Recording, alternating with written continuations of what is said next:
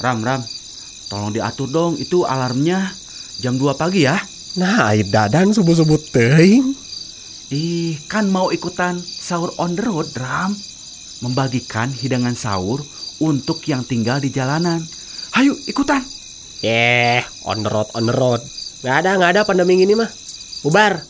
Sobat Pi, sudah tahu kan bahwa sahur merupakan bagian dari ibadah puasa, yaitu makan dan minum sebelum mulai berpuasa seharian penuh. Sahur dilakukan dini hari, yakni sekitar jam 3 sampai 4 pagi.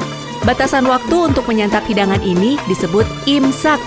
Nah, sebelum imsak, umat muslim harus bangun, menyiapkan hidangan dan makan guna mengisi energi untuk berpuasa. Kendati demikian, sahur di Indonesia bisa jadi sedikit berbeda.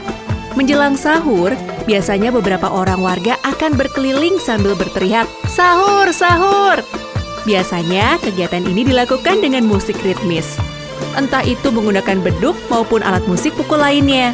Berbeda lagi dengan sahur on the road, yaitu kegiatan melaksanakan sahur dengan cara berparade atau konvoi di jalan raya sembari berbagi hidangan sahur bagi kaum pinggiran, gelandangan, atau fakir miskin. Tradisi ini hanya ada di Indonesia loh Sobat Pi.